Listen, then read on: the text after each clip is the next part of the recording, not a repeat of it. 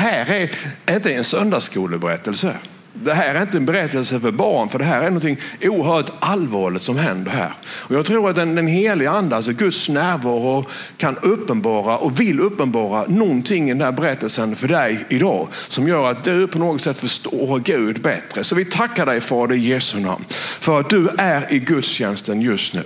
Och vi ber heliga ande för det är bara du som kan uppenbara det som hände här. Att vi får, på något sätt när vi blundar så ska vi kunna se den här händelsen på insidan. Och vi tackar dig Herre för att det som du ville säga med dessa här orden som ängeln talar om till Maria. Vi tackar dig Herre för att det uppenbaras för alla som är i gudstjänsten just nu Herre och för alla som tittar Herre. Tack för din nåd och välsignelse nu. I Jesu namn vi ber. Amen. Så får jag nästa slide nu. Alltså, här är det så här va, att du har planerat allt. Har du tänkt på det? Och här, här kommer Gud. Därför att Maria var ju trolovad med Josef. Och, och, många gånger är det så att när vi planerar våra liv och Gud kommer och när Gud han griper in i våra liv. Då blir aldrig livet så som vi har tänkt.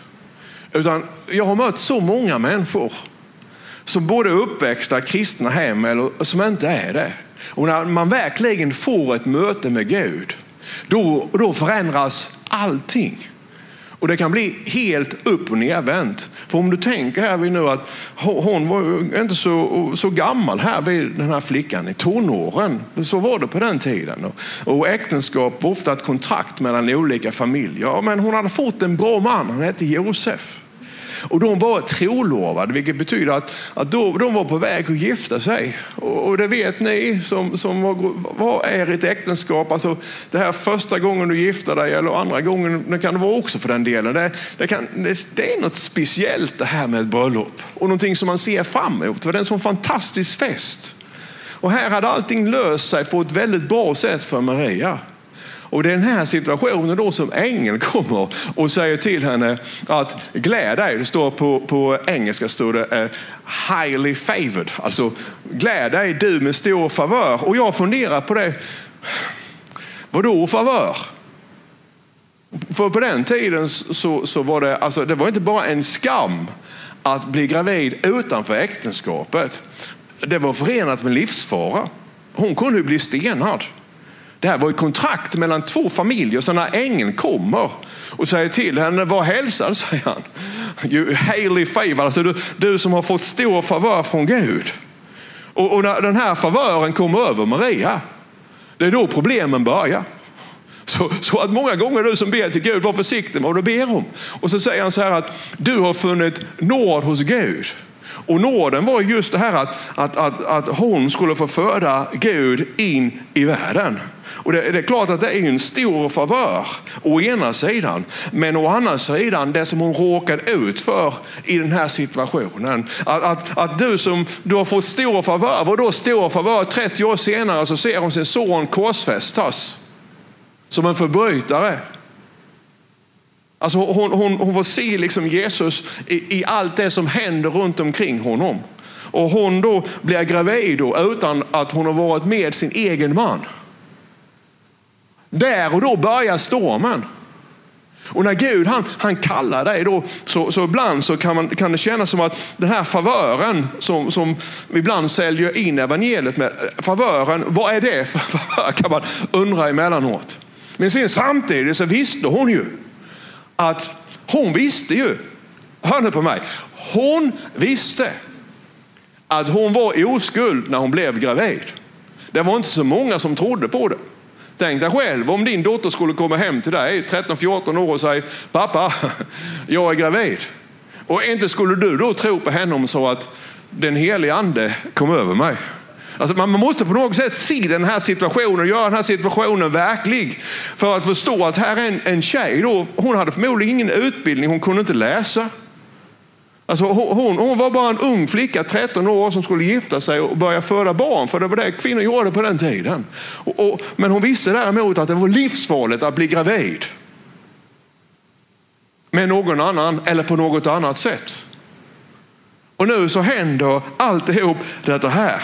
Men sen är det också så att, att när allt hade löst sig så visste hon ju, när hon såg Jesus springa omkring, hon visste ju vem han var.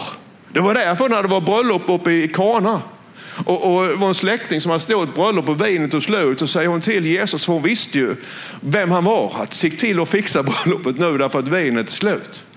Hon, hon, hon, visste ju att även om ingen annan trodde på henne och även om Josef kanske emellanåt funderade också, för det hade minsann jag gjort. Jag hade trott på det kanske ena dagen och tvivlat nästa. Så visste hon att jag blev gravid på ett övernaturligt sätt. Och så är det faktiskt med många av er som tittar nu. Du har varit med om mirakel i ditt liv. Och jag har varit med om samma sak. Jag sitter med människor som säger man att Gud gjorde detta. Och man ser på dem att de, de, de, de hymlar lite grann med ögonen och säger ungefär så här. Ja visst Tommy, dra den och rödluvan också. Alltså de kanske inte säger det rakt ut till dig, men du och jag har varit med om det här. Vi har sett mirakel efter mirakel. Jag har sett liksom människor resa sig upp ifrån rullstolarna. Jag kan inte kontrollera det här. Jag önskar att jag hade kunnat göra det, för då skulle man kunna hjälpa så oerhört mycket människor. Men, men jag vet det. Och jag, många gånger ibland när jag berättar för människor att Jesus kom in i mitt sovrum så ser jag liksom på, på hur de tittar på mig att de tror inte på mig. Och det är samma sak med Maria. Hon säger att det var så att det var inte Moses som var där och, liksom och prasslade innan vi hade gift oss. Och det var ingen annan heller. Utan jag blev faktiskt gravid genom den helige ande. Vi behöver inte skämmas för Guds mirakel i våra liv. Men ibland när vi berättar om dem så ställer det liksom väldigt stora krav på oss. Och istället för att vi får favörer när vi berättar mirakel så kan det faktiskt vara tvärtom att människor misstror oss och vill oss illa. Så får jag nästa slide nu. För att då säger hon så här att hur ska detta ske, säger hon. Ingen har rört vid mig. Och ingen svarade henne att den helige ande ska komma över dig och den högstes kraft ska vila över dig. Därför ska också barnet kallas heligt och Guds son. Alltså, på ett sätt då så kan man ju faktiskt säga att hennes liv förstörs då. Alltså det, det liv som hon visste om. Från den dagen när Gud kom över henne så får hon ett helt nytt liv. Att hennes liv tar en riktning som hon inte hade en aning om. Och jag vill säga det till dig också, du som tittar. Så kanske inte känner Jesus. Eh, dig som känner Jesus också. Att jag läste en artikel nu här häromdagen att, att, att komma till Jesus och börja leva tillsammans med Jesus.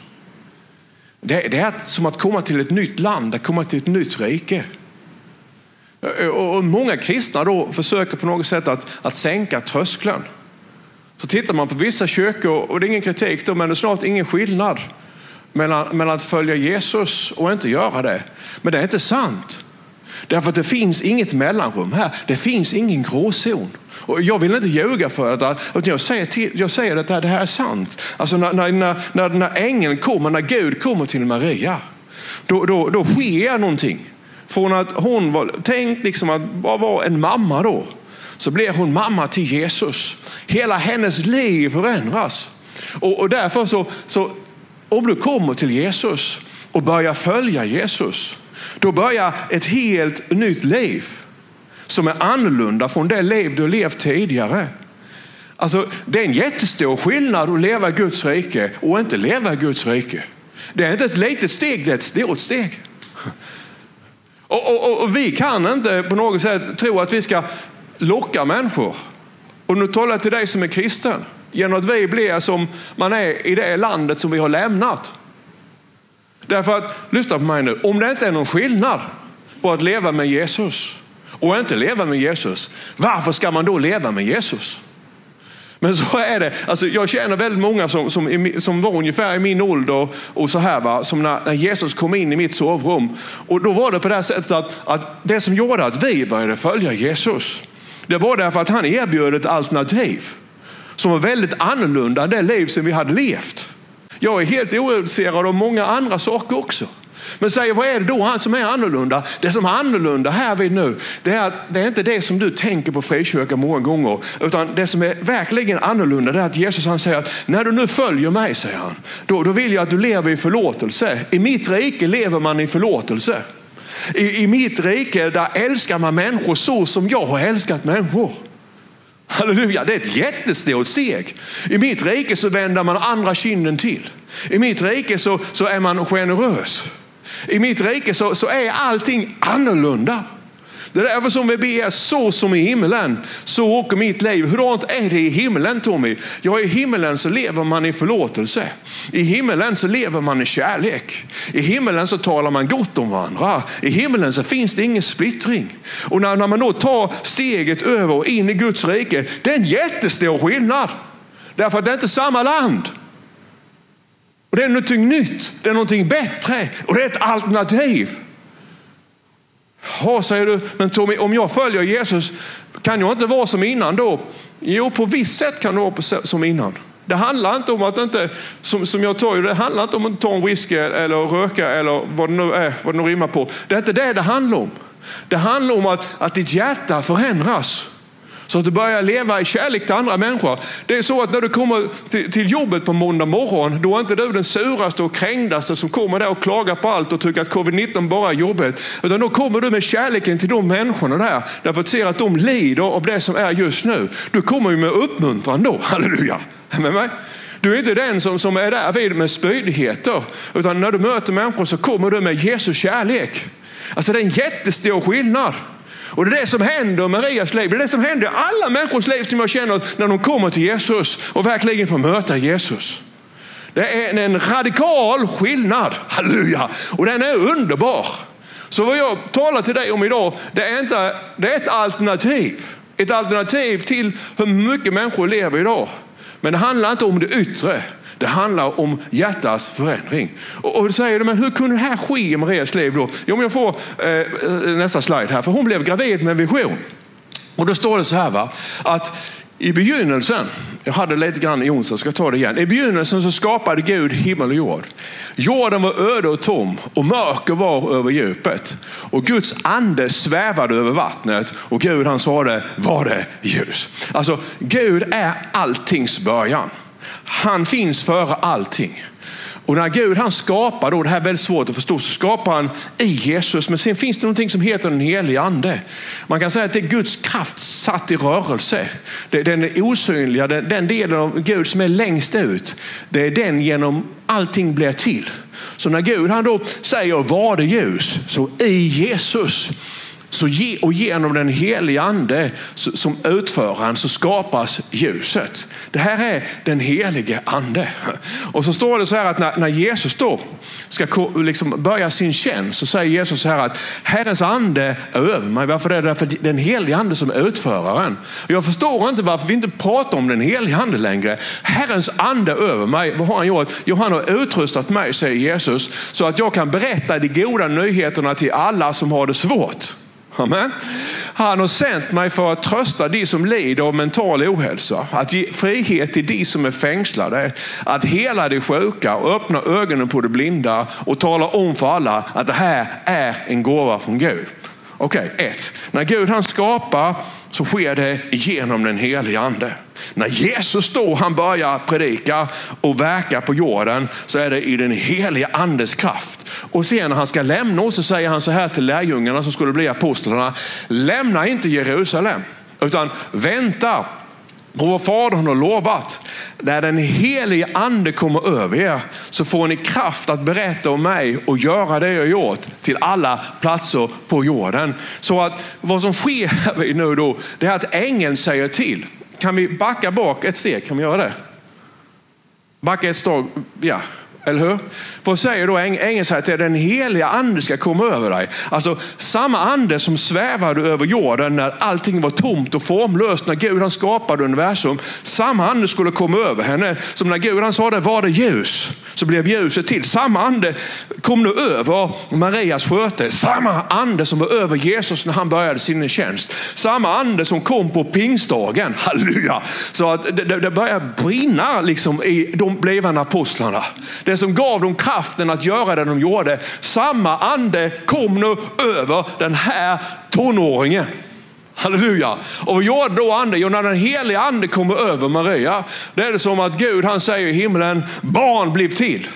Och där sker miraklet. Utan en spermie är i närheten så blir det ett foster som börjar att växa och hon blir gravid med en vision. Så är det när Jesus kommer över dig och mig också. Den heliga ande kommer över oss. Och den heliga ande kommer över oss med en vision. Och det syns inte. Och så är det lite grann med folkkyrkan nu. Vi har blivit befruktade. Alltså magen växer trots att vi inte har någon mage.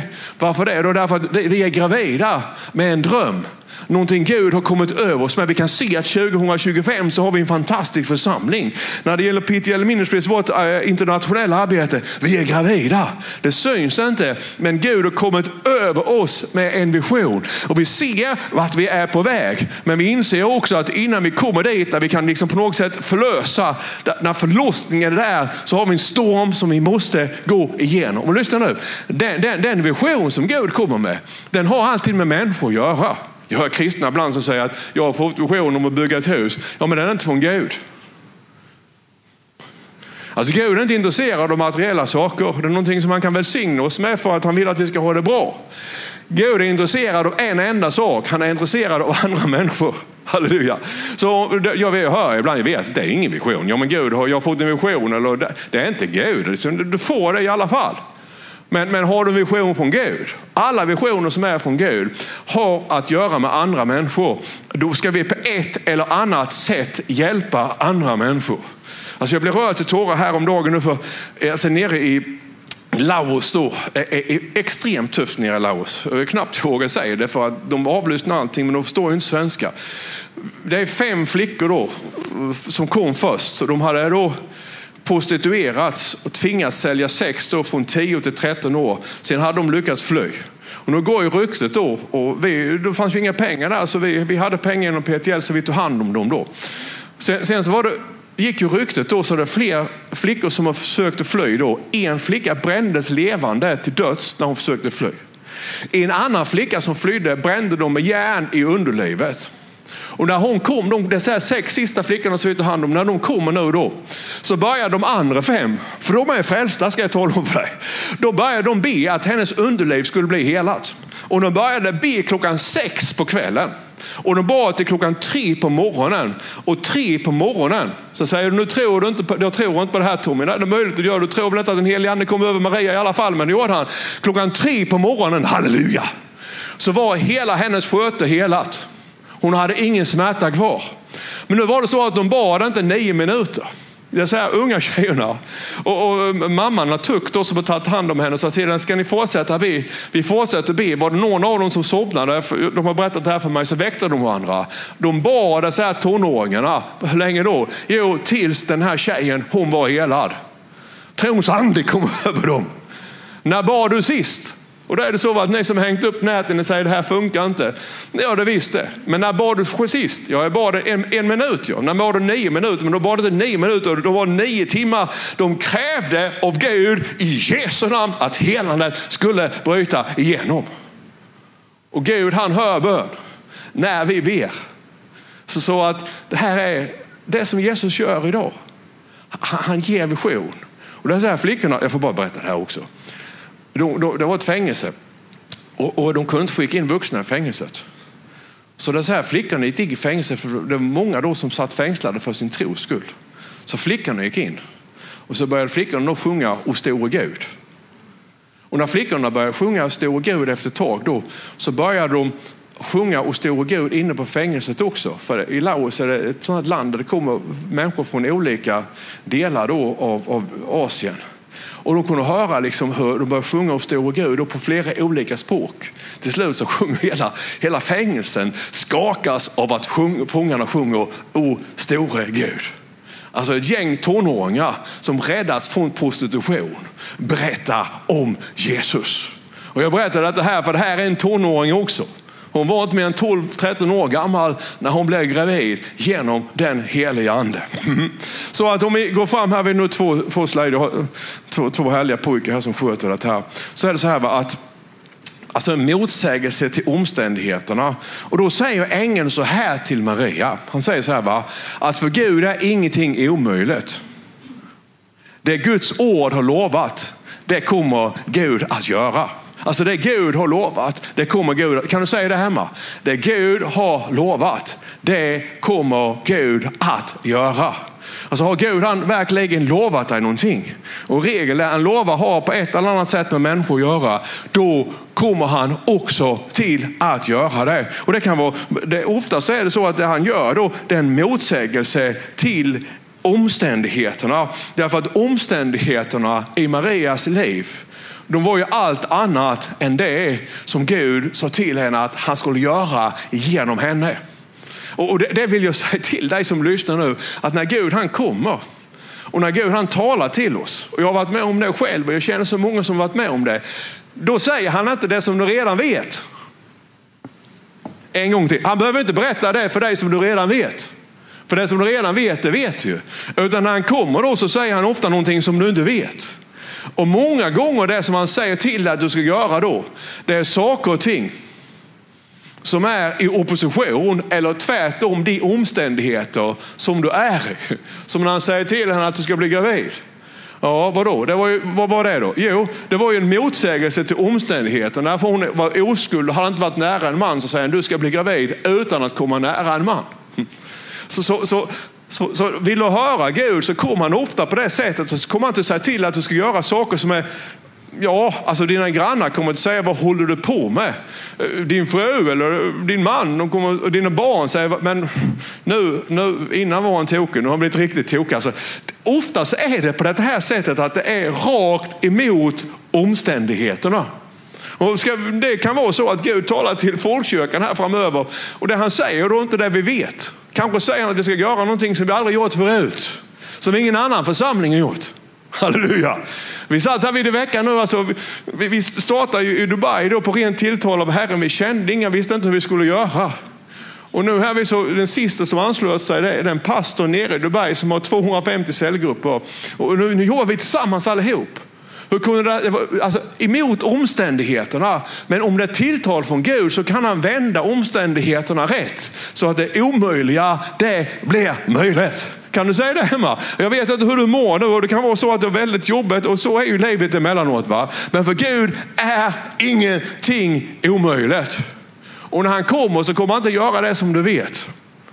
Och, och han, samtidigt handlar det om att, att, att ge sitt liv till Jesus. Eh, de, hör av sig från Stockholm, de har varit uppe och predikat. Jag säger så mycket dumt ibland och så här va. Men, men en del av det är sant i alla fall. Och det här är ju också sant då va. För, för förra året så stod jag och Karin nere i Hejan då. Jag bor här nere vid havet. Och det var, det var riktigt så här svinkallt som vi säger. Va? Och, och det, det, blåste och så sa jag nu ska vi ner och så ska vi tala ut båten. För jag skulle köpa en båt och en stor, dyr, fin båt. Jag vill inte ha en gammal, så jag vill ha en ny båt. Och, och jag har upplevt att Gud har sagt till mig att be om vad du vill så ska du få det. Välj den båt du vill ha. Så sa jag, nu ska vi gå ner och så stod vi nere på bryggan då. Va? Och som det kan vara här nere när det är typ en plusgrader och, så här, och sen blåser det och sen är det fuktigt och då är det kallt. Och Karin hon har fel på sköldkörteln och den ska snart bli helad i Jesu namn. Men i alla fall så är det så att hon fryser alltid. Och när vi, jag var tvungen att tvinga ut henne på bryggan då. Va? Och det, hon sa ungefär så här, Tommy, jag fryser. Hon säger ju inte fryser, utan hon säger, jag, jag, jag fryser. Så, så jag tig med den kvinnan. Nej, sa jag inte. Men så, så sa Jesus till Maria. Men i alla fall så, jag, jag, jag fryser. Så nu, nu står vi här. Så stod vi där i vattnet. Va? Och så sa vi, båt i Jesu namn, bli till. det kom ju båten. Och så säger de, men det är ju fantastiskt. Ja, men det är inte det vi lever för. Gud kan välsigna dig med en båt. Även när du fryser. Så sa jag, du fryser inte Ka. Så det, vad betyder det? Det betyder, du fryser inte Karin. Så, så hon hör inte alltid vad jag säger än, men hon håller på att lära sig språket. Och det här är ju nära hebreiskan, så det är lika bra att ni lär er förstå vår dialekt.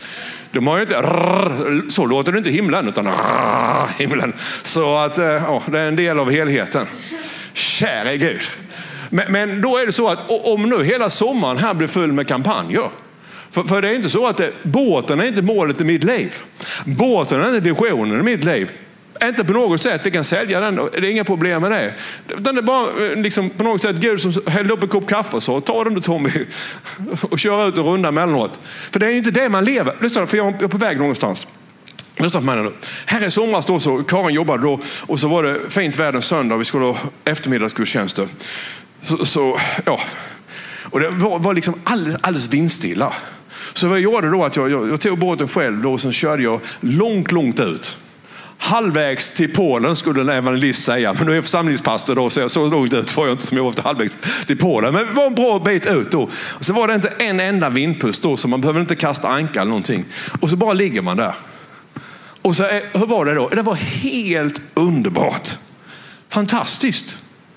Det var som när jag körde hem från Hällevik eh, själv eh, en eftermiddag när jag hade varit ute och kört båttvätten då. Så öppnade jag takluckan och så stod jag upp då. Va? Och så spelade den här med, med Bethel. Eh, de hade den här kubben, alltså Egypt heter den. Han tog mig ut, ut så körde jag så högt jag kunde liksom, med fyra högtalare, stora högtalare i båten. Så stod jag och så skrek jag. Han tog mig ut ur Egypten, han tog mig ut ur Egypten. Så. Och det är, det är helt underbart. Men vänta lite. Men det, det, det är bara en lycka för stunden. Alltså få en fin båt, det är lycka för stunden. Men det är inte riktig lycka. Det finns människor som köper prylar för prylar, prylar, prylar. Precis när du får prylen och öppnar paketen så känner du ett, ett mått av lycka. Men sen efter en halvtimme så är det inte roligt längre. Utan den sanna lyckan, det är, det, är, det är när du har funnit Jesus och när Jesus lever i dig. Förstår du vad jag menar nu? Alltså då, att bara få sitta och bara vara alldeles lugn och bara vara glad. Det är det som är den sanna lyckan. Prylar kan aldrig göra dig lycklig. Det är därför jag säger det. Guds vision är därför aldrig prylar. Utan Guds vision är vad du och jag gör för människor. När, när de här tjejerna de, de skickade hem en julhälsning nu på, på lauska då, och, och sjöng till mig. Det, det, är lycka, för då vet jag, och ni som är med då och ger till PTL bland annat, du vet att vi har räddat livet på dem. Det är en sann lycka. Den, den, den kan man glädja sig över på vintern när båten är uppe på land. Den kan man glädja sig på sommaren när det är 30 grader varmt. Den kan man glädja sig med när man vaknar på morgonen. Den kan man påminna sig om att om vi inte har gjort någonting vettigt i hela livet så är det i alla fall 11 flickor nere i Laos just nu som behöver räddat från barnprostitution. Halleluja! Förstår du vad jag menar? Alltså, just det här lyckan är när du finner Jesus och när man sitter hemma ibland och man känner att Gud bara kommer över dig och du börjar darra nästan som ett asplöv och det går som en varm vind på insidan och byxbenen de, de fladdrar och man får undra liksom man lyft från fåtöljen eller inte. Alltså den här, den här friden som Jesus ger och det är den som han vill ge dig. Jag är strax klar nu. Och då, då är det så här va. Maria, då säger Maria så här. Si, säger hon, jag är Herrens tjänarinna. Låt det ske med mig som du har sagt. På en annan översättning så säger hon så här, jag är, det här är så bra så det är inte sant. Jag är vad Herrens ord säger att jag, jag är vad Herrens ord säger att jag är. Säger Herren att jag är gravid så är jag gravid. En gång till. Säger Herren att jag är gravid så är jag gravid. Även om jag inte har varit med någon man. Jag fattar liksom inte hur det ska komma någon spermie in i min... Ja, men i alla fall. Är du här? Alltså säger jag Herren att jag är gravid så är jag gravid i alla fall. Varför det då? Därför att jag är vad Guds ord säger att jag är. Hör du vad jag säger? Allt vad Gud har sagt och fått sitt ja och amen i Jesus Kristus. Så det Jesus säger att du är, det är du. Kan du säga det hemma? Jag är vad Guds ord säger att jag är.